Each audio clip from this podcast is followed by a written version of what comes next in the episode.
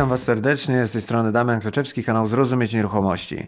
Powracam do Was z cyklem i kontynuacją y, cyklu Potencjał Kamienic, tak żebyście poznawali, bym powiedział, sekrety związane z tego typem rodzajem inwestowania, z takimi budynkami, które y, wymagają dużo głębszych analiz, y, dużo więcej mm, przemyśleń.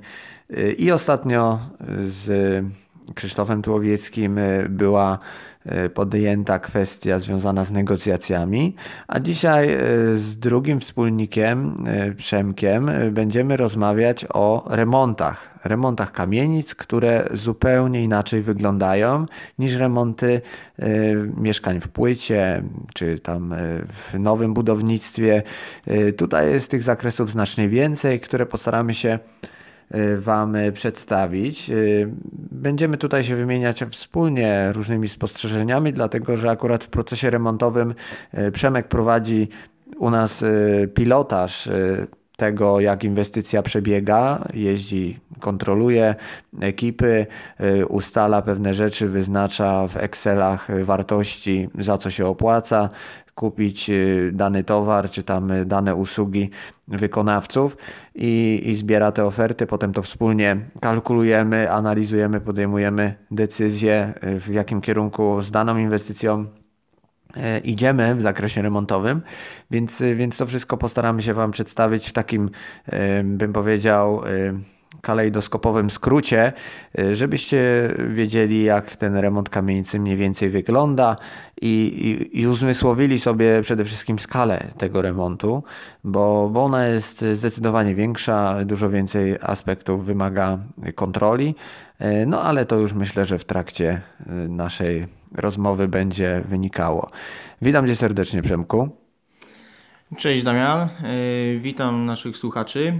E, tak jak powiedziałeś, e, postaram się dzisiaj zdradzić kilka szczegółów dotyczących remontowania kamienic i patrzenia globalnie na, na ten problem, jaki jest rewitalizacja obiektu, szczególnie dla początkujących inwestorów, którzy chcą wejść w inwestowanie w całe budynki. I Damianie, jakie mamy, jakie mamy pytania? No, pytania mamy przede wszystkim takie, jaka jest ta zasadnicza różnica, y, o którą mnie często pytają też nasi klienci. Jaka jest różnica i to, żebyśmy im też przedstawili, bo nasi słuchacze mogą też być u nas uczestnikami szkolenia, ale też przede wszystkim odbiorcami wartościowej wiedzy. Jaka jest ta zasadnicza różnica między remontem mieszkań w blokach, przykładowo pod flipy, a całą kamienicą. Jakie tutaj są te największe różnice? No, myślę, że różnica jest niebagatelna, e, ponieważ przygodę z remontami mieszkań e, można by przyrównać do takiej wycieczki krajoznawczej e, po najbliższej miejscowości. Natomiast rewitalizacja kamienic to myślę jest już podróż po całej Europie. I przede wszystkim w kwestii remontu pojedynczych lokali nie interesuje nas nic poza odnowieniem właściwie e, naszego mieszkania.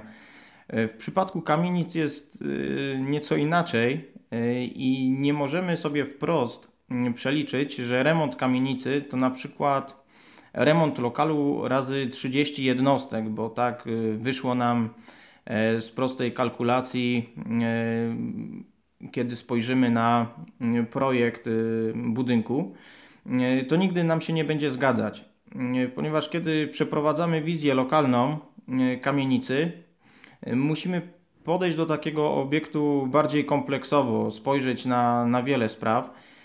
I w tym przypadku może okazać się, że bardzo istotnym elementem całościowych kosztów może być nie tylko cena materiałów i robocizny za wykonane prace, tak jak to się ma, e, kiedy remontujemy właśnie pojedynczy lokal. Mm, ale przede wszystkim y, tym największym kosztem może być czas oczekiwania na różnego rodzaju opinie czy decyzje, e, które powodują przestój w pracach. I tak, w zależności e, od kosztu pieniądza, którym finansujemy transakcje, Może się okazać, że wydłużony czas oczekiwania na liczne pozwolenia czy przestoje spowoduje, że inwestycja będzie po prostu dla nas nieopłacalna. I niestety, jak spojrzymy na, na historię niektórych y, spółek, też osób, które prowadziły taką działalność wśród naszych znajomych, którzy inwestowali w nieruchomości, a które ogłosiły upadłość, czy ci inwestorzy musieli pozamykać działalności, było właśnie tym powodem była utrata płynności finansowej związana z nieuzyskaniem zgód czy, czy pozwoleń, y, które doprowadzały do sprzedaży lokalu, y, a przedłużający się właśnie czas powodował to, że y, musieli po prostu mm, zbankrutować. I tak, przy flipie, na przykład w wielkiej płycie, Yy, nie dotyczy nas w ogóle inwentaryzacja budynku czy możliwości podziału 150-metrowego mm, lokalu na mniejsze. Yy, zapewnienie miejsc postojowych, tak jak yy, mamy to w przypadku wyodrębnienia mniejszych lokali w kamienicach. Nie interesuje nas projekt budowlany czy pozwolenia na budowę. Nie wiemy, co to warunki przyłączeniowe, umowy z dostawcami mediów Mm, nie mówiąc już o przygotowaniach e, projektu prac konserwatorskich czy zagospodarowania terenu wokół budynku. E, tych rzeczy, te rzeczy są nam obce w przypadku remontu pojedynczych lokali, a w przypadku e, kamienic musimy bardzo dobrze się z nimi zaznajomić, wręcz zaprzyjaźnić. I bardzo istotną kwestią jest odpowiednie przygotowanie się do procesu remontowego już y, nawet przed samym zakupem kamienicy, y, na etapie, kiedy, kiedy oglądamy dany budynek. I w zależności od tego, ile dokumentów nam się udało zgromadzić przed umową sprzedaży, przed umową przeniesienia własności, E, ile też ludzi jest zaangażowanych mm, w pracę nad tym projektem, jak bardzo dany budynek jest wymagający pod względem nowej adaptacji, tego jak chcemy go podzielić e, na na przykład mniejsze lokale. E, jakie terminy są aktualnie w urzędach, ponieważ obecnie te, ten czas jest również wydłużony ze względu na, na stan epidemiczny w naszym kraju. To wszystko mm, wiąże się mm, z tym, y, jak długo będziemy, jak długo potrwa y, od, ten czas od momentu zakupu nieruchomości do momentu sprzedaży wyodrębnionych lokali. I w przypadku kamienicy, która ma około 1500-1800 mm, metrów, Mm, ten czas, y, jaki my sobie zakładamy na, na remont, y, przy założeniu, że obiekt jest już bez lokatorów, jest pusty, może trwać średnio y, w zależności mm, właśnie od tego skomplikowania i tych czynników, które wcześniej wymieniłem. Może to być między rok a, dwa lata, czyli taki przedział gdzieś sobie dajemy przy rewitalizacji, rewitalizacji obiektu tej wielkości. No oczywiście w ramach y, procesów remontowych, które możemy gdzieś y, prowadzić na obiekcie mm, niezależnie, czyli są takie obszary, które gdzieś tam nie kolidują za bardzo y, z kwestiami lokatorskimi, no to mówimy tu na przykład o poddaszu, o wymianie pokrycia dachowego, o elewacji, czy też remoncie klatek lub dziedzińca. No to są takie części, które można, ale nie trzeba robić, no bo one dają nową szatę kamienicy, no ale, ale no nie są jakby tutaj y, priorytetem w działaniu, dlatego że y, klatek no nie powinno się robić na początku z tego względu, że najpierw robimy lokale, przez to, że te ekipy remontowe czy cały sprzęt, cały ten syf, który jest wywalany, by nam po prostu te klatki zabrudził ponownie, zniszczył i, i ta praca by była na marne. Więc y, no, tutaj mm, pod kątem szacowania kosztów jest ważny też y, aspekt y, do wykalkulowania całego remontu, więc może na tym byśmy się chwilę skupili, bo sam remont przeraża wielu inwestorów. Niektórzy jak mają wyremontować swoją łazienkę, to, to się boją, a gdzie tu dopiero cały budynek, gdzie mamy do zrobienia na przykład 40 łazienek albo całe piętra, schody, wymianę rur, rozprócenie prucie dachu, y, to wiecie, to, to jest gruba, gruby, gruby remont I, i no, trzeba robić go z głową, jeżeli chodzi o poszczególne etapy y, takiego budynku. Y, no i przede wszystkim, żeby one gdzieś tam, te, te nasze ruchy remontowe nie nachodziły na siebie w jakiś negatywny sposób, tak? Czyli najpierw róbmy to, co jest dla budynku strategiczne. Jeżeli na przykład kamienica jest podmywana przez wodę deszczowe, Y, no to należy wyprowadzić najpierw wodę z piwnic, y, ocieplić fundamenty, wykopać je, odprowadzić tą wodę y, drenażowo i tutaj tymi fundamentami się zająć. I tak stopniowo idziemy w górę. Więc no, są takie e, etapy, o których tu jeszcze Wam powiemy, ale powiedz Przemku, jak podejść do analizy Y, kosztowej. Jak oszacować ten remont? Bo y, inwestor podjeżdża pod budynek, rozmawia z, ze zbywcami, ma tam te spotkania negocjacyjne i już powiedzmy wszystko fajnie wygląda, y, dogadują się, no ale on nie wie za bardzo jak, co, ile kosztuje, jak to wyceniać, czy, czy robić, czy nie robić, kto ma to sprawdzić, jak to powinno wyglądać. Tak, w przypadku Y, pojedynczych lokali możemy sobie y, obliczyć, ile, ile taki remont y, będzie kosztował dosyć prosto. Natomiast w przypadku całych obiektów, całych kamienic jest to, jest to zupełnie inna bajka. Ponieważ w tym przypadku nie możemy stworzyć takiego prostego Excela z kilkoma komórkami, wpisując cenę remontu za metr kwadratowy i mnożąc to przez powierzchnię lokalu. E, to był ten poziom, e, czy kilka poziomów niżej. Aby wycenić remont całej kamienicy, e, musimy się trochę bardziej postarać, poświęcić więcej czasu. A przede wszystkim musimy tą kamienicę rozłożyć na czynniki pierwsze. Musimy oszacować koszt poszczególnych etapów, które składają się na kompleksową rewitalizację budynku i dopiero wówczas otrzymamy taki przybliżony, szacunkowy kosztorys mm, tego generalnego remontu, który mm, mamy zamiar przeprowadzić. Mm, musimy pamiętać, że do celów remontowych kamienicy rozumianej jako pewne takie dzieło budowlane nie możemy traktować tej kamienicy jako jednej całości. To, co właśnie wspomniałem wcześniej, że musimy zwrócić uwagę na wiele poszczególnych elementów, które składają się na jej całość. E, już możemy to zrobić e, przy oglądaniu na przykład oferty sprzedaży mm, takiego budynku. Mm, a tymi elementami są między innymi, tak jak wspomniałeś, fundamenty czy, czy ściany podziemia, poszczególne ściany kondygnacji naziemnych, E, warto dobrze się przyjrzeć, jakie są rodzaje i, i stan stropów na poszczególnych kondygnacjach. E, często mm, w kamienicach e, między piwnicą a parterem jest to strop ceramiczno-stalowy. Na, na pozostałych kondygnacjach wyższych prawdopodobnie będzie to strop drewniany, ale y, to każdy, każda kamienica y, ma swoją specyfikę.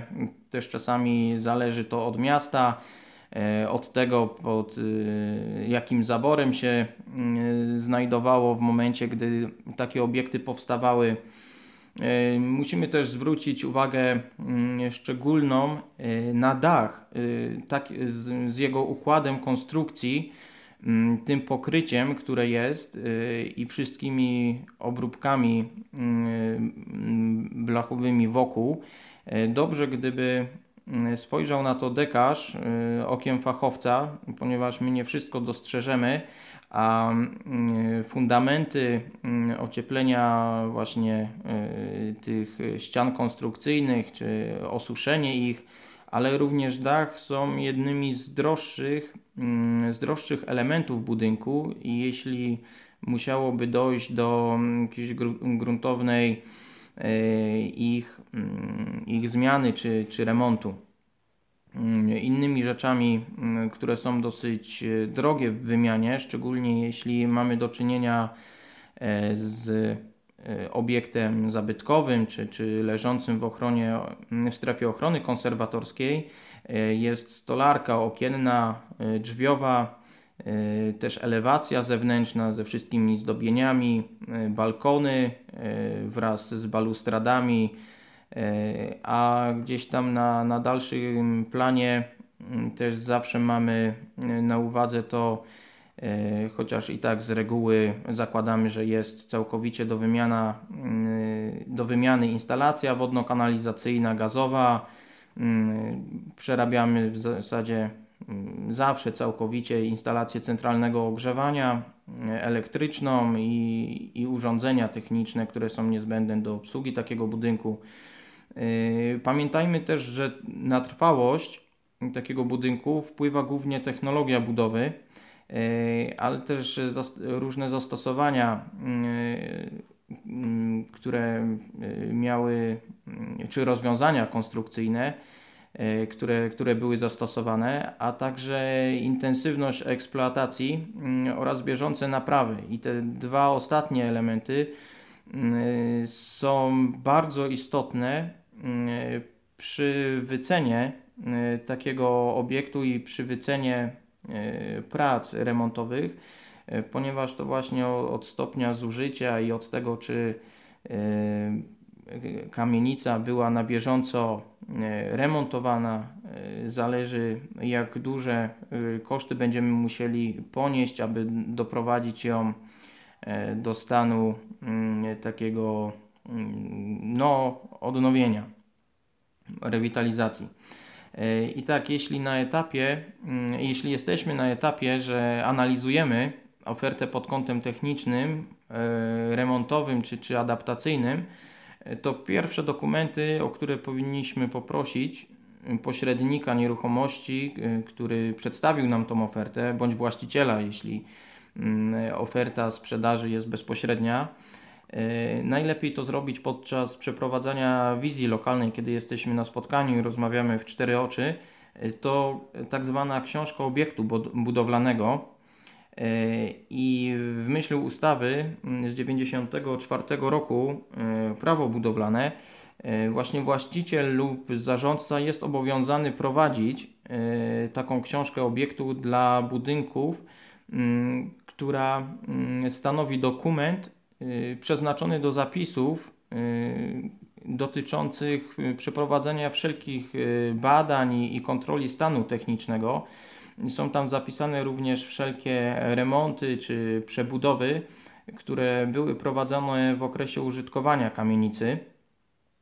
Do takiej książki obiektu powinny również być załączone protokoły z przeglądów okresowych budynku, E, przypomnę, że takie przeglądy są e, obowiązkowe e, raz w roku oraz taki większy przegląd raz na, na 5 lat.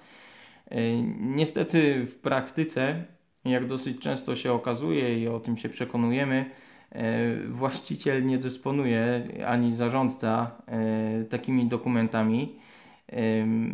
Oczywiście są wyjątki, że te zapiski, dokumenty były skrupulatnie e, notowane i, i przechowywane.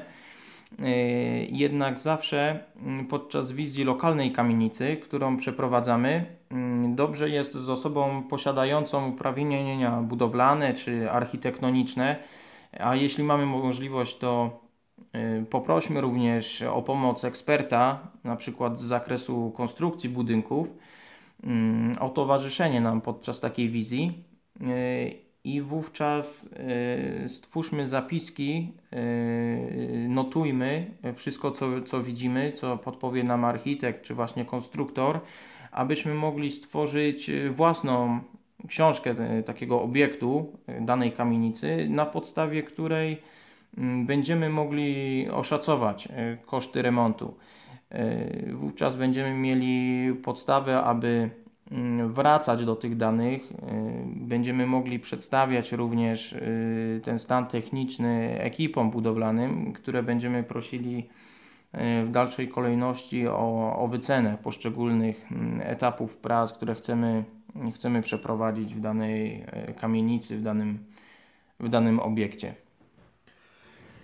No, sami widzicie, ile tych e, różnych takich obszarów e, jest tutaj istotnych w całym procesie remontowym. Paradoksem można powiedzieć, takich działań na kamienicy jest to, że pomimo tego, że mamy bardzo duży remont całości, który kosztuje globalnie bardzo dużo, to jest on bardzo tani, jednostkowo, czyli na wszystkim możemy uzyskiwać bardzo duże zniżki i to powoduje, że ten remont relatywnie, patrząc na jednostkę mieszkalną, wychodzi nas bardzo korzystnie. No bo jeżeli kupujemy nagle wszystkiego więcej, ekipom remontowym dajemy znacznie więcej niż standardowo oni na rynku klientów y, detalicznych remontują, to oni też są w stanie zakotwiczyć się w jednym miejscu na dłużej, no i dzięki temu y, możemy liczyć na większe y, rabaty za ich usługi. No i teraz powiedz może, może nie tyle na co zwracać szczególną uwagę w remoncie kamienicy, no bo, bo to już gdzieś tutaj wspominałeś, ale co powinno się robić e, najpierw w tym procesie remontowym? Bo idziemy, tak jak wspomniałem, od, od fundamentów, yy, analizujemy konstrukcję budynku i tak dalej, ale yy, czy tu jeszcze coś można dopowiedzieć, yy, żeby inwestor, który de facto przystąpi już do realizacji takiego procesu remontowego, yy, będzie wiedział za co ma się zabrać, yy, w jakiej kolejności, bo tak jak mamy przepis na zrobienie jakiegoś ciasta, to wiemy, że musimy składniki dodawać po kolei w odpowiednich ilościach, żeby y, to ciasto nam finalnie wyszło takie jak na obrazku. Y, z kamienicami już tak łatwo nie jest, bo y, Czasami trzeba coś doliczyć, coś poprawić w trakcie. Napotkamy się na jakąś niespodziankę z jakąś ścianą, z jakimś rozwiązaniem nietypowym, które spowoduje, że albo zapłacimy za coś więcej, albo musimy użyć innej technologii wykonawstwa, albo będzie to musiała wykonać jakaś specjalistyczna firma, y, których nie ma wiele na rynku, więc też nie ma jak tu za bardzo negocjować. I to powoduje tą specyfikę, że jeżeli w negocjacjach ceny, założycie sobie odpowiedni bufor zysków, to musicie wkalkulować w tych zyskach również y, koszt remontu. Y, i, i ten bufor y, powiększyć troszeczkę, no bo jeżeli przeprowadzicie ten remont według planu i to się uda, no to jest bardzo duży sukces, bo, bo tutaj faktycznie te liczby Wam się będą dalej zgadzać w kolejnych etapach aż do sprzedaży. Natomiast jeżeli gdzieś się pojawi jakiś przestój, tak jak teraz chociażby. Realizujemy na przykład y, remont kamienicy i nagle y, pojawia się y, pandemia koronawirusa i nie można jeździć ani do urzędu, ani ekipy na budowie nie mogą być, albo Ukraińcy są zablokowani u siebie, nie mogą wrócić i, i czekają na przejście formalności i, i udrożnienie ponowne drani, granic, to to są takie nieprzewidziane akcje i teraz y, całe szczęście, że powiedzmy to, to już teraz y, drugi miesiąc tego czekania mija i, i już y, rozkręcamy się na nowo i wracamy do do tych etapów, które były wcześniej rozpoczęte, ale gdyby takie coś się stało na jakimś strategicznym etapie, yy, że musicie uruchomić pieniądze, albo że macie je uruchomione yy, i nagle coś takiego się dzieje, że fabryka, która miała wyprodukować 50 par okien, nagle tego nie dostarczy, bo pracowników nie ma. Yy, wiecie, to są takie akcje, które no, nie sposób zabezpieczyć yy, polisą ubezpieczeniową, ale można zabezpieczyć to niższą ceną nabycia kamienicy, o czym Wam wspominałem w poprzednim wywiadzie z Krzysztofem, bo to wszystko sprawi, że będziecie mieć dużo większy komfort i nawet jak się taka sytuacja jak teraz pojawi, to sobie z nią poradzicie, bo nawet ten miesiąc czy dwa przestoju niewiele tutaj zmieni. Właśnie wracając do tego, tego bazowego pytania, czy chciałbyś coś tu jeszcze powiedzieć pod kątem tego, planu realizacji remontu, od czego zacząć, na czym należy skończyć. E, tak, chciałbym dodać jeszcze jedną rzecz, o której e, tylko zasygnalizowałem wcześniej, ponieważ też taką kluczową i jedną z pierwszych informacji, które powinniśmy uzyskać od pośrednika, czy właściciela nieruchomości, który, który przedstawia nam ofertę, jest kwestia tego, czy dany obiekt y, jest wpisany do rejestru zabytków, y, bądź też czy znajduje się w strefie ochrony konserwatorskiej. Ta informacja jest niezwykle istotna, ponieważ obiekty znajdujące się pod ochroną konserwatora zabytków w ustawie prawo budowlane są traktowane w szczególny sposób, a takich obiektów nie brakuje na, na mapie naszych miast w szczególności mm, budynków, które mm, są w strefie ochrony konserwatorskiej. Musimy wiedzieć, co się pod tym e, pojęciem wiąże, e, ponieważ e, obiekt, wpierw obiekt, który jest wpisany do, do rejestru zabytków, w takim przypadku obowiązują inne procedury niż w stosunku do takich samych budynków nieobjętych e, ochroną konserwatorską. E, jeśli jest to obiekt właśnie wpisany do rejestru zabytków, to wówczas wszelkie roboty budowlane e, prowadzone przy takim obiekcie wymagają zawsze pozwolenia na budowę, co jest niezwykle kłopotliwe. A zanim złożymy wniosek o wydanie na przykład pozwolenia na budowę, musimy wpierw uzyskać E, zgodę na e, wykonanie określonych prac w projekcie od wojewódzkiego konserwatora zabytków. I kiedy mamy podejście inwestycyjne do takiej nieruchomości, gdzie bardzo istotną kwestią jest czas, jaki zajmie nam skompletowanie wszystkich niezbędnych dokumentów, projektów czy pozwoleń od wojewódzkiego konserwatora, E, remont takiej kamienicy może stać się po prostu nieopłacalny.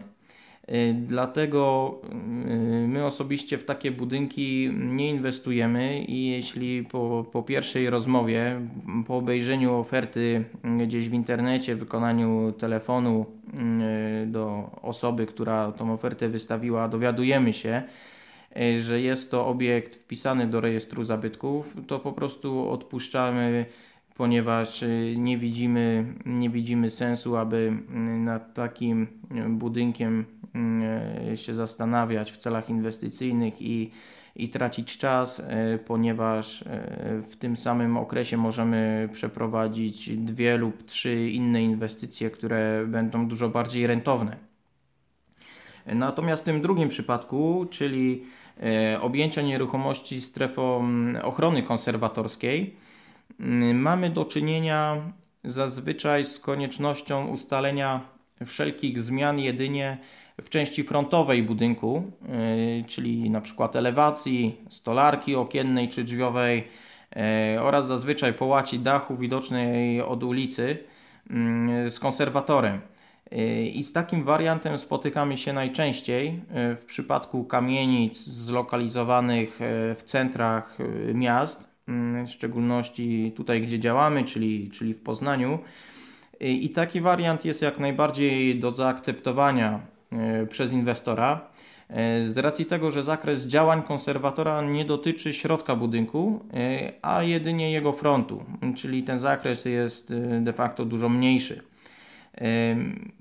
I mm, to, na co powinniśmy zwracać szczególną uwagę e, podczas e, oceny stanu technicznego, e, i to, o co pytałeś, jaki jest ten przepis na, na udane ciasto, czyli w naszym przypadku na udaną inwestycję, to są te poszczególne mm, elementy, które, które zaraz wymienię, mm, a które właśnie musimy bardzo dobrze zweryfikować ponieważ są to główne elementy naszego kosztorysu. I jeśli mm, prawidłowo wycenimy renowację czy, czy ich remont, to dostaniemy właśnie przybliżony, mm, przybliżoną cenę, jaką będziemy musieli ponieść za, e, za rewitalizację takiej kamienicy I, i może się okazać, że ominą nas jakieś e, nieprzyjemne niespodzianki. A tymi elementami, e, które szczególnie dobrze musimy zweryfikować, to są przede wszystkim elementy konstrukcyjne. I takie mm, podstawowe sposoby weryfikacji to na przykład sprawdzenie, czy na elewacji kamienicy nie pojawiają się jakieś niepokojące zarysowania konstrukcji, między innymi y, spękania ścian. To czasami jest widoczne, kiedy chociażby przejeżdżamy właśnie y, ulicą i oglądamy różne budynki, to, to na niektórych y, widać, widać rysy Mm, e, na elewacji. Mm, ich przyczyny są też różne, ale mm, e, powiedzmy nie mamy tutaj tyle, tyle też czasu na analizę wszystkiego. Więc jeśli widzimy rysy na elewacji budynku, może to nam e, gdzieś tam sprowokować jakieś w nas niepokój, że coś z tym budynkiem pod względem konstrukcyjnym się dzieje. Inne, inne rzeczy to y, właśnie rysy gdzieś też na stropach, mm, czy przemieszczenia y, elementów konstrukcyjnych. E, czasem jest widoczne y, takie, takie spękania, czy, czy rysy na nadprożach, nad, otwarty, nad otworami drzwiowymi, mm, czy okiennymi. Możemy to sprawdzić czasami, jeśli otwieramy drzwi lub, lub okna w danym pomieszczeniu, e, na danej kondygnacji i pojawiają się jakieś niepokojące, e, niepokojące mm, gdzieś tam szurania, czy nie, takie drzwi nie, nie otwierają się płynnie, może to być spowodowane tym, że właśnie nadproże nad, nad tym otworem drzwiowym gdzieś zostało przesunięte, czyli ta konstrukcja budynku może już nie być taka solidna y, i, i prowadzić y, ewentualnie do jakichś przykrych następstw. Y, warto zwrócić też uwagę na drewniane nośne elementy stropu, który występuje właśnie na, na większości kondygnacji w kamienicach. Może się okazać, że w wyniku dawnego zalania belek na przykład rozwinął się na nich jakiś grzyb lub pleśń, e, albo dostały się do nich szkodniki. E, I skutkiem tego będzie po prostu konieczność wymiany tych elementów nośnych, a, a są to mm, bardzo duże koszty. Wiąże się to też z uzyskaniem pozwolenia na budowę mm, i czasowym po prostu wyłączeniem budynku z użytkowania. E, a jeśli chcemy taki budynek remontować etapami, no to, to też będzie to dla nas e, jakimś dodatkowym minusem. E, inną ważną rzeczą do sprawdzenia jest stan wilgoci też w budynku. I zdarza się, że wynajmując mieszkania w kamienicach, słyszę pytania telefonicznie od, od potencjalnych najemców przed podpisaniem umowy czy mieszkanie nie jest zawilgocone, e, ponieważ zdarzyło im się, że właśnie gdzieś tam mają rodzinę e, w kamienicach, czy, czy oni sami mieszkali i ten zapach wilgoci, czy pojawianie się jakichś pleśni, grzybów na ścianach był bardzo częsty. I zdarza się, że ten problem jest dość powszechny właśnie w starych budynkach więc musimy mieć to, to zawsze na uwadze. Y, pamiętajmy też, że normy budowlane na, na początku XX wieku, kiedy te budynki powstawały, znacząco różniły się od tych, które obowiązują y, obecnie. I problemem jest też to, że źródłem tej, tej wilgoci y, jest brak izolacji pionowej czy, czy poziomej y, fundamentów, y, a zawilgocone mury to właśnie zjawisko bardzo dla inwestora niekorzystne, które może nieść liczne zagrożenia, szczególnie w okresie jesienno-zimowym wilgotne ściany przemarzają. Prowadzi to do obniżenia izolacyjności termicznej. Mogą powstawać później właśnie jakieś odpryski tynków i trzeba to wyprowadzić wszystko na, na etapie tego generalnego remontu. My zawsze przyjmujemy, że jeśli chodzi o instalację, to elektryczna czy centralnego ogrzewania wodno-kanalizacyjna jest y, cała do wymiany, y, ponieważ nie, nie zostawiamy takich y, łączeń starej instalacji, częściowo nowej. Mm, nigdy to nie, nie, nie prowadzi do e, jakichś dobrych skutków, a przeważnie jest przyczyną problemów. Ważnym i drogim Y, elementem w wymianie jest dach. Y, I, I tak jak właśnie mm, ważny jest stan piwnic dla mieszkań na parterze, y, tak samo ważny, nawet bardziej istotny jest stan dachu dla mieszkań położonych na, na ostatniej kondygnacji. I kiedy wymieniamy takie poszycie dachowe, czy, czy zmieniamy konstrukcję dachu, to podczas, podczas tej wymiany warto zastanowić się, mm, czy zastosować w części płaskiej na przykład styropapę w celu lepszej izolacji termicznej mm, ostatniej kondygnacji, ponieważ jeśli użyjemy dodatkowego ocieplenia na powierzchni dachu, mm, to tym samym nie będziemy musieli stosować grubszej izolacji wewnątrz mieszkania, a to przełoży nam się na większą y, wysokość pomieszczeń. Mm, jeśli te poddasze rzeczywiście nie są za wysokie, to warto, e, warto z tego skorzystać. E, okna mm, i drzwi mogą tutaj, mm, czyli stolarka okienna drzwiowa we frontowej części budynku, może być również e, takim bardzo kosztownym elementem, w szczególności jeśli mamy do czynienia z budynkiem znajdującym się w strefie ochrony konserwatorskiej. E, a poprzednia, e, poprzednie okna, poprzednia stolarka okienna była drewniana, mm, była z jakimiś zdobieniami, e, były zabytkowe mm, właśnie rzeźbienia. Wówczas konserwator może nam nakazać mm, wymianę takiej stolarki, ale na zrobioną z takiego samego materiału i wyglądającą tak samo z tymi samymi podziałami jak ta poprzednia. E, a wówczas e, takie okno może nie kosztować 500 zł, ale może być e, kilkukrotnie droższe. I jeśli na przykład mieliśmy do czynienia z wymianą okien w kamienicy, która ma 1200 metrów i, i wymiana stolarki okiennej e, na plastikową wynosiła około 80 tysięcy, e, a gdybyśmy musieli zastosować właśnie stolarkę e, okienną drewnianą, koszt tego byłby kilkukrotnie droższy i, i wynosiłby około 250 tysięcy.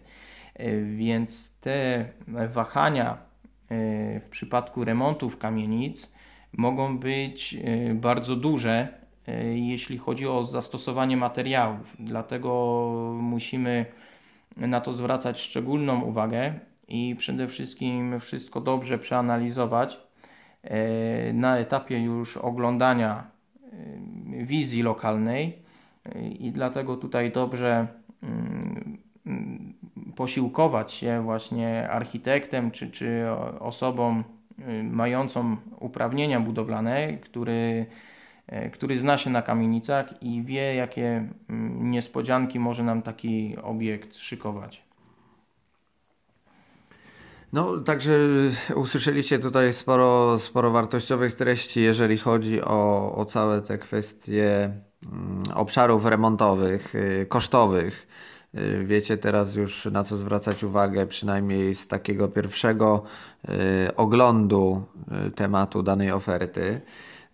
A powiedz może jeszcze tutaj byśmy się podzielili e, kilkoma e, takimi mm, przykładami, czy przykładami rozwiązań bardziej e, remontowych dla kamienic, bo kamienice jako specyficzne budynki, których no nie za bardzo można ocieplać od strony frontowej, co też powoduje większe koszty ogrzewania, no i cała ta specyfika związana z, systemem ogrzewania y, czasami generuje jakieś y, takie wątpliwe przemyślenia, czy opłaca się robić remont kamienicy, czy też nie przygniecie nas skala tego remontu.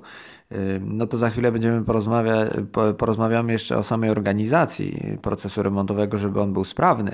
Natomiast może najpierw y, te przykłady rozwiązań, bo mamy do czynienia z takimi nietypowymi konstrukcjami jak schody, ściany, instalacja grzewcza, wentylacje czy y, instalacja elektryczna. I każda z nich y, może być w oparciu o te najnowsze rozwiązania technologiczne, takie jak fotowoltaika, pompy ciepła, wzmacnianie schodów w sposób niestandardowy niż tylko odmalowanie farbą Y, ścieralną, y, taką, y, po której ruch pieszy może się przemieszczać, czy też instalacja grzewcza, która, która może być równie dobrze elektryczna, ale bardzo ekonomiczna, albo wentylacje, których najczęściej brakuje, to znaczy brakuje kanałów wentylacyjnych w kamienicach względem docelowej liczby lokali. Co tutaj możemy zaproponować dla naszych słuchaczy, którzy analizując daną ofertę zauważą, że ich obiekt ma wiele mankamentów, z którymi mogą sobie nie poradzić. Przede wszystkim takim Problemem, z którym e, najczęściej się zderzamy w przypadku e, kamienic e, i, i podziału takich lokali dużych, czyli 100 kilkudziesięciometrowe, 200, 250 metrowe na mniejsze, jest to, że według obecnych przepisów budowlanych przy wydzielaniu niezależnych, mniejszych lokali jesteśmy zobowiązani do doprowadzenia niezależne, niezależnego kanału wentylacyjnego do każdego y, nowego, y, każdej nowej łazienki i każdej nowej kuchni. I wówczas pojawia się problem, bo jeśli mieliśmy jeden duży lokal, na przykład 150-metrowy, a chcemy zrobić 5, 5 czy 8 kawalerek, to w jaki sposób tą wentylację mm, doprowadzić mm, do każdej kuchni i każdej łazienki. Mm, I y, obecnie maksymalnie wykorzystujemy ilość istniejących y, kanałów, przewodów kominowych, y, tak żeby właśnie każdy, który istnieje, był doprowadzony do którejś kuchni i, i łazienki na, na danej kondygnacji E, zdarza się, że niektóre kanały były wykorzystywane jako przewody spalinowe dla pieców kaflowych. Czasami nie są one już y, wykorzystane od wielu lat, nawet nie ma śladu po tym piecu kaflowym, jednak y, w środku tego kanału jest bardzo dużo sadzy. I kominiarz nigdy nam się nie zgodzi na, na wykorzystanie dawnego kanału spalinowego na, i przeznaczenie go pod y, kanał wentylacyjny, y, ponieważ ta sadza może wlatywać nam do, do mieszkania. Ale takim rozwiązaniem, aby w pewien sposób go wykorzystać i, i ominąć dysfunkcję, jakim jest, jest sadza w środku, to zastosowanie tak zwanego alufola. Alufol jest to e, taka rura aluminiowa, e, która znajduje się w takim, można powiedzieć, worku parcianym, który chroni ją przed uszkodzeniami, kiedy jest wkładana do komina. Ona jest, mm, ona jest sprężona, czy, czy jest wkładana od góry, z dachu E, do danej kondygnacji, gdzie ma być właśnie przekuty ten e, otwór wentylacyjny e, i kiedy już jest doprowadzona do tego odpowiedniego poziomu, wówczas kominiarz na górze podłącza tą alufolę do, do sprężarki. Powietrze, które jest mm, wdmuchiwane w tą alufolę, ono ją rozpręża, więc ona bardzo dokładnie przylega do ścian e, komina e, danego kanału wentylacyjnego e, i na poziomie danego mieszkania, gdzie ma być wykorzystana, jest wówczas rozcinana. Ponieważ powietrze krąży wokół, mm, czy, czy przechodzi jedynie przez środek tej alufolii, tego alufola, który jest czysty, wówczas mamy pewność, że żadna sadza nie wpadnie nam do, e, przez kanał wentylacyjny do mieszkania i e, taki kanał e, możemy wówczas wykorzystać jako wentylacja. Jest to jeden ze sposobów. A po prostu często zdarza się, że musimy mm, dobudować tak zwane kominy. Mm, oczywiście nie muszą one być w takiej e, formie jak to kiedyś, czyli e, budowane z materiałów ceramicznego, z cegły. E, mogą to być rury Spiro o odpowiedniej średnicy. Mm, to wszystko powie Wam kominiarz, aby było zgodne z normami i wówczas pozostaje nam po prostu przekłucie się przez stropy. Jeśli są to stropy drewniane, jest to mniejszy problem, bo wycinamy otwory w deskach, w podłodze, omijamy mm, belki stropowe i, i przechodzimy przez dach. Wówczas na dachu pozostaje nam jedynie e, obróbka mm, dekarska, aby nigdzie wokół tego, e, tego nowego komina, tej nowej rury e, nie padała woda. Ale taką mm, pytałeś, wrócę jeszcze do poprzedniego pytania, bo przypomniał mi się taki mankament właśnie dzielenia dużych lokali na mniejsze, bo wiadomo, obecnie każdy poszukuje kawalerek czy, czy dwupokojowego mieszkania, mieszkania na pokoje typu 6, 8 powoli są coraz mniej popularne, aczkolwiek też z bardzo dobrą stopą rentowności. I kiedy dzielimy taki duży lokal w kamienicy 150-200 metrowy, wówczas musimy wydzielić w środku tego mieszkania wewnętrzny korytarz jako rozejście do kolejnych mieszkań. I y, pamiętajmy zawsze o tym, że przy wydzielaniu takiego korytarza y, to każdy metr y, takiego rozejścia kosztuje nas kilka tysięcy złotych. Jeśli na każdej kondygnacji zrobimy powiedzmy jest w kamienicy 5 kondygnacji, dla łatwiejszego liczenia mamy na każdym poziomie 10 metrów dodatkowego korytarza czyli w, całej, w całej kamienicy powstaje nam, odchodzi w zasadzie 50 y, metrów, które wcześniej były metrami mieszkalnymi, a teraz zostają dodane do części wspólnych. A załóżmy, że za taką, za metr takiego lokalu płacimy, mm, czy byśmy uzyskali na rynku około 6 tysięcy złotych, no to łatwo policzyć, że na same takie korytarze w częściach wspólnych odchodzi nam 300 tysięcy złotych. Więc tutaj każdy metr, a w zasadzie każdy centymetr ma znaczenie. Y, I y, to, jak bardzo uda nam się wykroić te mieszkania bez straty właśnie na metrażu dla części wspólnych, tym większy zysk dla nas. Czasem może się okazać, że E, korytarze będą tak duże, że po prostu nie opłaca ich się wydzielić, a więcej zarobimy na tym, kiedy po prostu sprzedamy taki duży, duży lokal. No, tutaj, jeżeli chodzi o same remonty, to sami widzicie, że tej pracy czeka Was sporo, ale tak tutaj słucham Przemka, to co Wam mówi.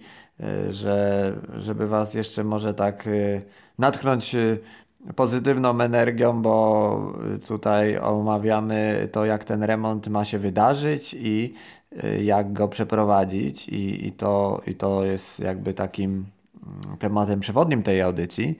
Ale tak sobie pomyślałem, że jest dla Was jeszcze scenariusz taki, że co jakby tego w ogóle remontu nie robić.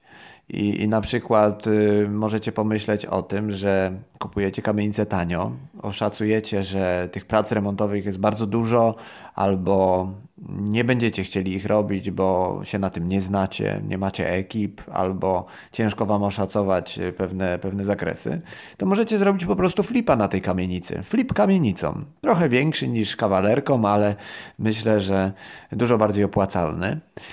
No i, i, też się znajdują na to klienci, inni inwestorzy, którzy są w stanie Wam zapłacić już nie tam 5 tysięcy prowizji, tylko na przykład 200 tysięcy, 300 tysięcy. To tak jakbyście obrócili dziesięcioma mieszkaniami w ciągu roku, y, ciężko przy tym pracując, y, bo tak naprawdę y, każdy lokal wtedy trzeba by było wykończyć. W przypadku kamienicy niekoniecznie by trzeba było to robić, a z drugiej strony oczywiście minusem jest ograniczona pula odbiorców takich ofert. Więc no coś za coś, ale jeżeli wchodzicie w pewne relacje inwestorów, jesteście, y, macie możliwość bycia na spotkaniach z inwestorami, którzy interesują się zakupem kamienic, chcą je zrobić, mają na to kapitał, mają zasoby przerobowe, no to warto też o tym pomyśleć, że na przykład wyszukacie obiektu, a ktoś inny go będzie robił i wy też na tym zarobicie. Jeżeli chodzi o remont kamienicy, no to sami możecie tu usłyszeć, że temat jest y, bardzo y, złożony, skomplikowany, zależny od różnych innych czynników, czasami na te, na które nie macie wpływu, ale też y, możecie y, pewne remonty odroczyć w czasie albo nie robić y, takiego standardu, który pierwotnie byście chcieli zrobić. Czyli na przykład możecie przejść tylko etap instalacyjny, zrobić piony, wydzielić lokale i w taki sposób sprzedać y, poszczególne już lokale, ale funkcjonalne, bo na nowych mediach. Natomiast części wspólne z czasem może wykonać e, wspólnota mieszkaniowa pod waszym pilotażem, ale już nie za wasze pieniądze. Więc e, tutaj jest, jest kilka scenariuszy, których de facto nie ma w przypadku e, mieszkań indywidualnie kupowanych. Oczywiście skala odpowiedzialności, skala ryzyk, zaangażowania finansowego jest znacznie większa. I teraz powiedzmy może Przemku chwilę o tym, jak ten proces przejść sprawnie, żeby osoba, która planuje taki remont, y, wiedziała, kogo zatrudnić na początku, kto ma realizować poszczególne etapy, jak wygląda ofertowanie poszczególnych zakresów, tak żeby te ceny były y, bardzo takie, bym powiedział, dla inwestora, a nie rynkowe.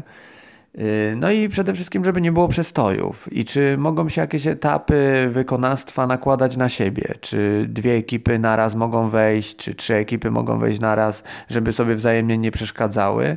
No bo jest kilka tych, tych różnych y, opcji. Inną rolę będzie miał dekarz, inną kominiarz, jeszcze inną y, ekipa wyburzeniowa, a inną y, ktoś, kto robi klatki czy poszczególne mieszkania, inaczej elektrycy, inaczej hydraulicy, więc no można pewne ekipy na siebie nałożyć i, i sprawnie ten proces przeprowadzić, który wymaga kontroli. I teraz, żebyście nie myśleli, że musicie znać y, wiedzę techniczną y, sprzed całego przekroju przepisów. Y, doświadczenie trzeba mieć 20 lat, żeby y, poprawnie weryfikować te wszystkie etapy. Niekoniecznie tak musi być. Ważne, żeby tutaj były jakościowo dobre materiały używane, szczególnie te, które są montowane w częściach wspólnych. Są to rury, instalacje, takie, które Y, są strategiczne dla lokali, żeby to za chwilę y, się nie zużyło po roku czy dwóch i trzeba by było na nowo coś tam pruć na podłogach y, świeżo zrobionych to tu na pewno warto zainwestować w lepszą półkę materiałową. Natomiast z tego co kojarzę, jak robiliśmy ostatnie obiekty, to było kilka takich zawirowań może, że jakieś ekipy można było przesunąć, jakieś przyspieszyć.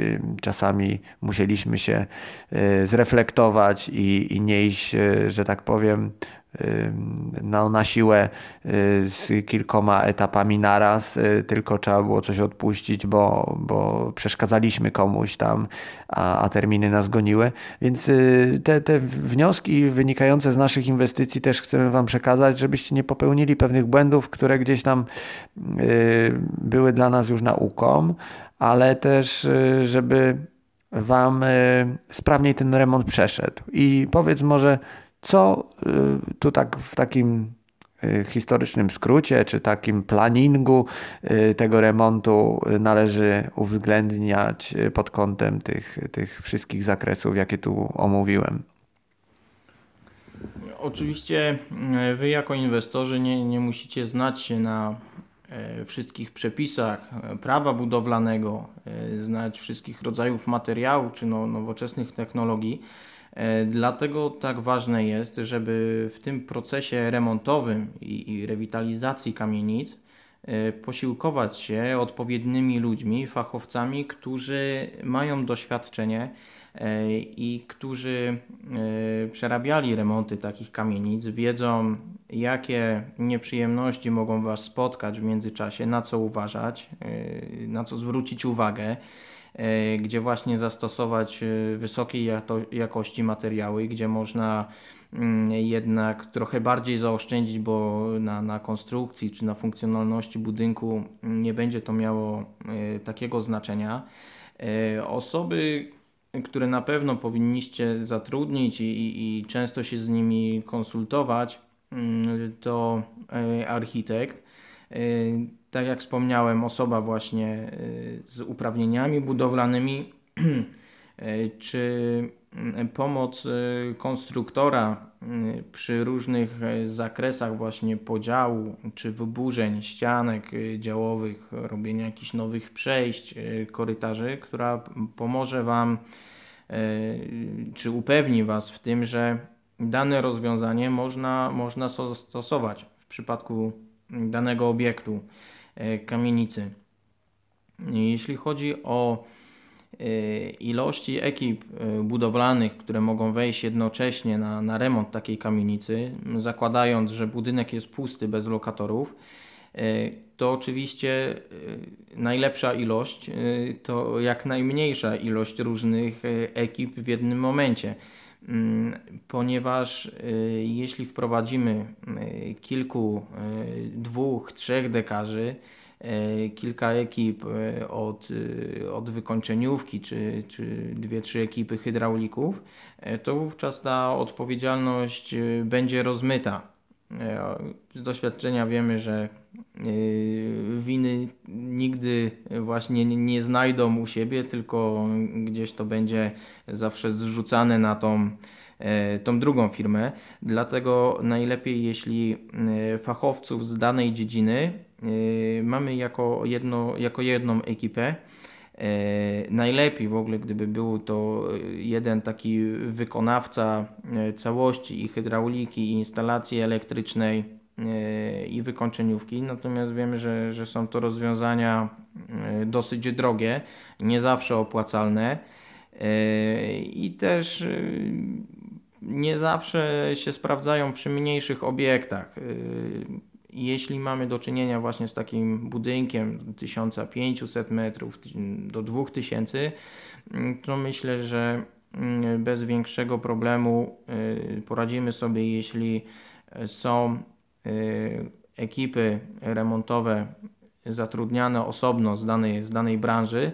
Natomiast y, bardzo polecane jest, żeby mieć y, inspektora budowy, który będzie kontrolował te procesy. Oni również będą wiedzieć, że są sprawdzani, ich wykonawstwo jest poddawane kontroli i mm, nie będą liczyć na Waszą niewiedzę, na to, że gdzieś tam pewne zaniedbania zostaną, zostanie na to przymknięte oko. oko. Jeśli będzie ich kontrolował fachowiec, ekspert z, z dziedziny budownictwa, no to, to możecie być tam gdzieś pewni, że ta praca na pewno będzie lepiej wykonana. Jeśli chodzi o takie sprawność przeprowadzania remontu, no to dobrze jak właśnie macie już na etapie takim przygotowawczym, czyli e, wizji lokalnej, e, na etapie negocjacji sporządzoną tą książkę obiektu budowlanego, jeśli wiecie jakie remonty w ostatnim czasie były przeprowadzone, e, jeśli pod pewnymi wadami, czy to konstrukcyjnymi, E, czy mm, e, jakiś mniejszego kalibru podpisze się Wam osoba e, z uprawnieniami. Jeśli taki dokument pokażecie mm, na, podczas negocjacji, podczas rozmów z właścicielami budynku, będzie to na pewno też argument do, do obniżenia ceny. I przede wszystkim przygotować się jak najlepiej właśnie w tym okresie do momentu przejęcia nieruchomości.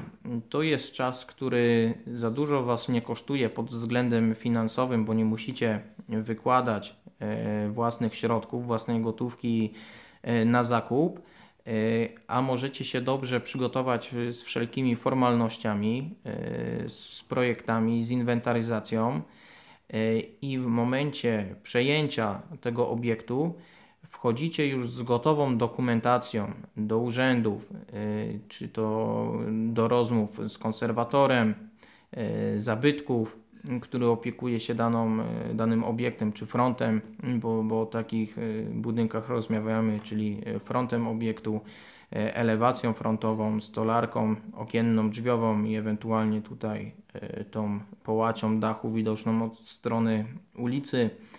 E, I ten remont na pewno zostanie przeprowadzony wówczas szybciej, co pozwoli Wam oszczędzić mnóstwo, mnóstwo środków. Dobrze jest też mm, zapytać, na przykład w energetyce, jeśli chcecie podzielić y, duże lokale na, na większą ilość mniejszych, jeśli chcecie zaadoptować do, y, również poddasze na cele mieszkalne, jeśli w piwnicach pojawi się jakiś lokal użytkowy, to dobrze jest sprawdzić, czy energetyka pozwoli Wam czy wyrazić zgodę na wzrost mocy przyłączeniowej do budynku, ponieważ jeśli nie będzie takiego wzrostu mocy przyłączeniowej, może się okazać, e, że e, nie podzielicie po prostu tych lokali na, na mniejsze, na większą ilość, czy nie wydzielicie lokali na poddaszu, ponieważ energetyka nie będzie miała możliwości zaopatrzenia Was w odpowiednią moc. E, jeśli chodzi o energię elektryczną. I mm, zdarzyło się też, że niektóre projekty właśnie zostały mm, anulowane ze względu na to, że dostawca energii elektrycznej nie zgodził się właśnie na wzrost mocy przyłączeniowej. Mamy też sytuację, że w budynku, w kamienicy, która leży na terenie miasta, cały czas y, nie ma miejskiej, mm, nie jest, ten obiekt nie jest podłączony do miejskiej sieci kanalizacyjnej. E, raz w tygodniu y, musi zostać opróżnione szambo. To jest y, duży minus takiej nieruchomości. E, plany podłączenia mm, tego obiektu do, do miejskiej sieci kanalizacyjnej są już od 4 lat, ale najpierw były przygotowywane projekty, później był mm, wyłaniany wykonawca, musiał być przetarg, y, powstały y, też opóźnienia i dopiero na koniec przyszłego roku ten obiekt zostanie podłączony, więc jest to duży minus y, nieruchomości i może to być również spory argument do, do obniżenia ceny przez obecnych właścicieli. Także szukajcie takich rzeczy. Mm, takich mankamentów danego budynku, który, które pozwolą Wam zejść z ceny zakupu i założyć jakiś bufor, że nawet w przypadku, gdy remont y, kamienicy Wam potrwa dłużej niż, niż zakładacie, y, to to nie odbije się na, na, na Waszym budżecie, na portfelu Waszej firmy i mm, nie będzie takim gwoździem do, do trumny. Myślę, że e, tych e, kwestii remontowych mm, na żywo przy danej ofercie jest dużo więcej do e, omówienia indywidualnego, dlatego ta audycja, ten wywiad z Przemkiem ma Wam pokazać przede wszystkim zakres, skalę tego, co będzie poddawane kwestiom technicznym do analizy, skalę remontu, który możecie, ale nie musicie koniecznie brać pod uwagę. Mniej więcej wyobrazić sobie koszty, to jakie zmiany powstaną w danym budynku i to wszystko sprawi, że podejmiecie bardziej wyważoną, bardziej inwestycyjną i odpowiedzialną decyzję, co dalej z daną ofertą robić. Także dziękuję Ci Przemku za podzielenie się mm, tymi wszystkimi uwagami, które tutaj mogliście usłyszeć i, i wspólnie y, my realizujemy różne projekty. Y, no możemy się przede wszystkim y, przed Wami Y, podzielić tymi doświadczeniami, żebyście już y, wiedzieli o co chodzi, bo to najczęściej jest problem związany z kamienicami, gdzie ktoś wchodzi i nie wie za co ma się zabrać, więc tu chcemy w tym cyklu potencjału kamienic przybliżyć Wam te aspekty najważniejsze związane z, z tą sekcją do zakupu, potem remontu, no i potem będą jeszcze kolejne, kolejne etapy. Bardzo ważne do finalizacji i, i do otrzymania dobrych zysków. Ze swojej strony i naszego zespołu, no też chciałem, e, żebyście mm, przemyśleli udział w naszym szkoleniu, które w tym roku będzie 20-21 czerwca. W Poznaniu będzie wyjazd na trzy kamienice, które e, pokażemy naszym uczestnikom i będą mogli oni przede wszystkim to, o czym Przemek tu Wam powiedział w, tym, w tej audycji, zobaczyć na żywo. Zobaczyć te wszystkie zakresy, co było zrobione, jak zostało zrobione i to pozwoli też y, Wam y, lepiej zrozumieć te treści, y, no ale też zaimplementować tą wiedzę do swoich inwestycji, które być może macie w planie, być może macie już jakąś kamienicę, a nie wiecie jak do niej podejść w rodzinie i naprawić te kwestie techniczne, które są dla Was na tą chwilę być może kłopotliwe. Odsyłam Was do naszej strony internetowej www.zrozumieć-nieruchomości.pl i tam w zakładce szkolenia jest program i możliwości jeszcze zapisów y, na to szkolenie, bo y, tutaj pula osób, która może skorzystać jest y, bardzo wąska z tego względu, że szkolenie ma charakter warsztatowo-wyjazdowy i ona te, i ten drugi dzień jakby opiera się głównie o wyjazd na, na te trzy obiekty, także tutaj nie możemy pozwolić sobie, żeby to było 50 czy 60 osób, no bo to by było niemożliwe, żeby przeprowadzić to logistycznie e, na, na takich obiektach, kiedy wchodzimy do piwnic, na dach, do mieszkań żeby to wszystko Wam pokazać. E, jeszcze raz dziękuję Wam za odsłuchanie. Chyba, że jeszcze coś Przemek chciałeś dodać na sam koniec, jakąś złotą wskazówkę dla początkujących kamieniczników, którzy planują remonty. Także ostatnia, ostatnia szansa na podrzucenie jakiegoś tipa. Myślę, że strach ma zawsze wielkie oczy i, i na początku wiele kwestii może wydawać się niezrozumiałych i, i, i mm, trudnych do przejścia. Natomiast jeśli właśnie rozbierzemy sobie tą kamienicę na takie czynniki i elementy pierwsze, e, gdzie e, będzie, będzie dla nas wszystko zrozumiałe i, i każdy poszczególny element wycenimy, wówczas e, gdzieś tam myślę, że zacznie nam się rozjaśniać, z czym, z czym mamy do czynienia, jakie koszty e, z rewitalizacją takiego obiektu się wiążą i, i to już nie będzie jakiś duża, duża rzecz, ale po prostu pewien proces do przejścia, który też z biegiem czasu może stać się dla Was powtarzalny i, i będzie mm, nie tylko E, przyjemnością, ale też wielką przygodą właśnie e, zobaczenie później takiej perełki e, gdzieś tam w mieście i powiedzenie, że właśnie ten obiekt, który, który tak pięknie się prezentuje i wygląda na, na tle pozostałych budynków, został zrewitalizowany dzięki Wam. Także życzę, życzę wielu sukcesów i mam nadzieję, że do zobaczenia niedługo, 20-20 czerwca. Y, Także y, widzicie, strach ma wielkie oczy, czasami remont to nie dramat, tylko wyzwanie i tak należy podchodzić do tego tematu, a przede wszystkim y, uczy olbrzymiej kreatywności i, i takiego rozwoju inwestora na kolejny szczebel, bo kamienice na pewno wiele, wiele rzeczy Was nauczą. Trzymajcie się, wszystkiego dobrego, pozdrawiam.